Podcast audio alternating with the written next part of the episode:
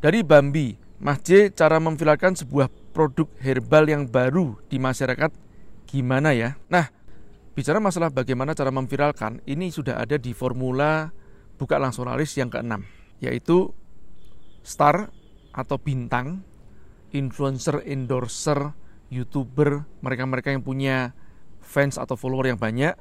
Yang kedua adalah komunitas, artinya kumpulan orang-orang yang punya follower yang lumayan. Yang ketiga, sosial media atau platform yang bisa memiliki faktor share yang besar. Nah, tiga hal ini pada dasarnya tidak harus berdiri sendiri nih, teman-teman.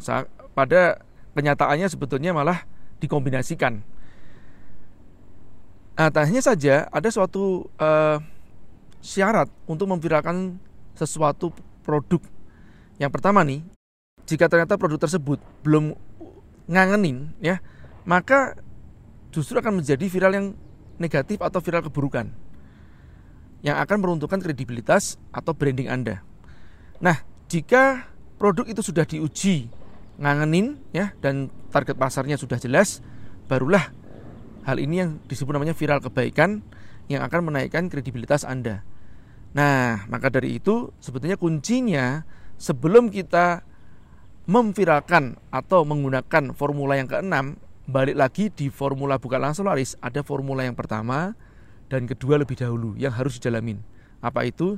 Yang pertama adalah membidik pasar yang potensial dan yang kedua adalah menciptakan atau menguji produk sampai produk itu ngangenin lebih dahulu. Baru kita viralkan. Jangan sampai nanti kita justru memviralkan suatu produk yang belum siap dan akhirnya bias atau balik ke branding bisnis kita lagi.